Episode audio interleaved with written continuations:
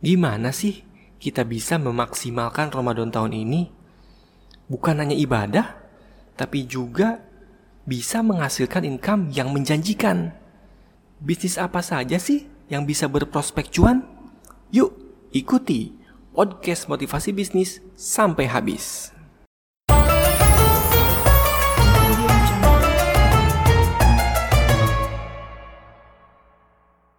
Assalamualaikum warahmatullahi wabarakatuh. Halo teman-teman semua, bertemu lagi bersama Mr. Andi di podcast Motivasi Bisnis. Ini merupakan episode kedua dari rangkaian series Pejuang Kebaikan. Oh ya, berhubung sekarang sudah masuk bulan Ramadan, saya ucapkan selamat menjalankan ibadah puasa. Semoga semua ibadah kita di bulan suci semakin menjadikan kita pribadi yang lebih baik lagi. Amin ya Robbal 'Alamin. Ngomong-ngomong mengenai bulan Ramadan, pasti tidak akan lepas dari suasana yang semarak ya teman-teman. Dan itu merata hampir di seluruh wilayah loh. Bahkan di seluruh dunia terutama di negara-negara mayoritas Muslim. Lihat saja lingkungan sekitar kita, mulai dari tetangga RT, di alun-alun, maupun pinggir-pinggir jalan, ramai oleh pedagang, terutama menjelang maghrib. Dan ini biasanya berlangsung konstan selama Ramadan, sampai menjelang Idul Fitri Nah, nanti kalau sudah mendekat Idul Fitri, maka keramaian biasanya akan beralih ke pasar maupun ke mall yang penuh oleh masyarakat hunting kebutuhan Idul Fitri. Namun, bagi saya, momen yang tidak terlupakan adalah kegiatan ngabuburit di alun-alun kota menjelang buka puasa.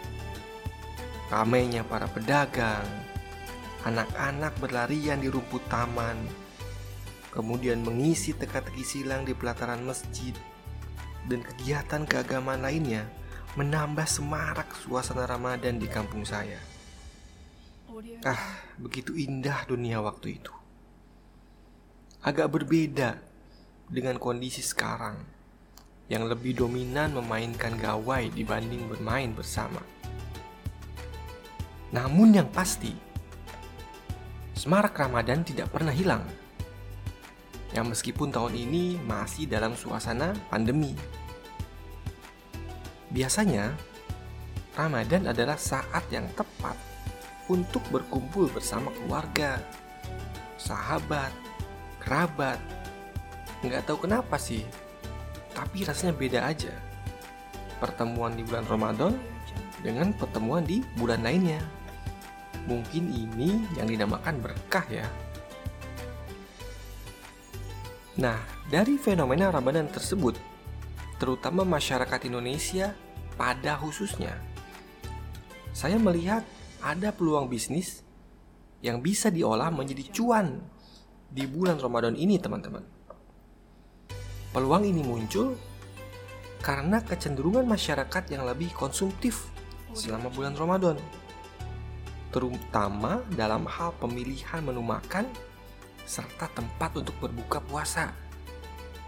Ya mungkin yang biasanya spend uang 20 ribu sekali makan bisa jadi membengkak menjadi 50 ribu. Fenomena inilah yang bisa kita tangkap melalui bisnis rumahan, baik UMKM maupun pedagang dadakan terutama yang berfokus di bisnis kuliner, teman-teman. Banyak banget bisnis kuliner yang bisa dicoba loh, teman-teman. Mulai dari jualan kurma, kolak, es kelapa muda, aneka gorengan, serta menu makanan utama yang ber untuk berbuka dan sahur. Kalian yang suka masak bisa coba bisnis ini. Mendekati Idul Fitri, bisnis kue dan pakaian bisa jadi alternatif lain bagi kalian dalam mendulang cuan.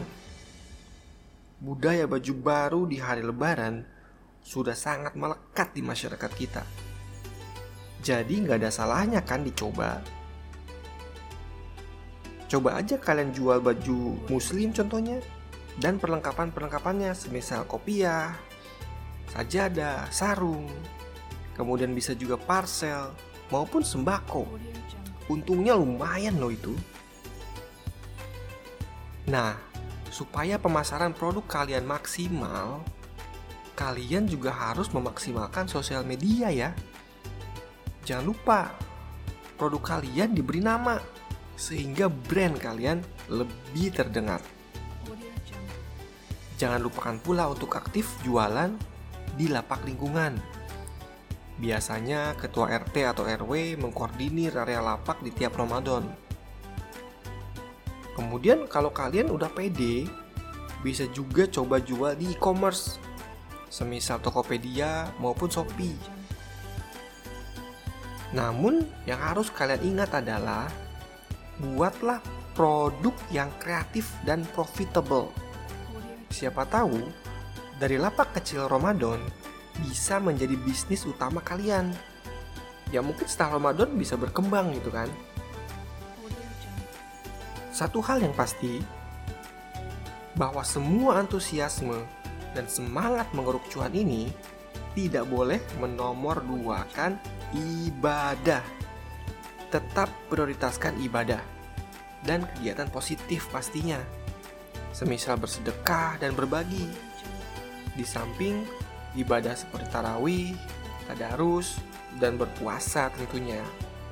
Karena ibadah di bulan Ramadan berkali-kali lipat pahalanya dibanding bulan lainnya.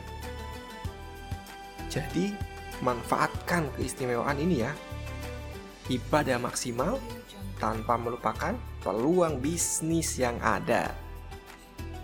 Saya yakin bahwa Ramadan ini akan membawa bangsa ini ke arah yang lebih baik lagi.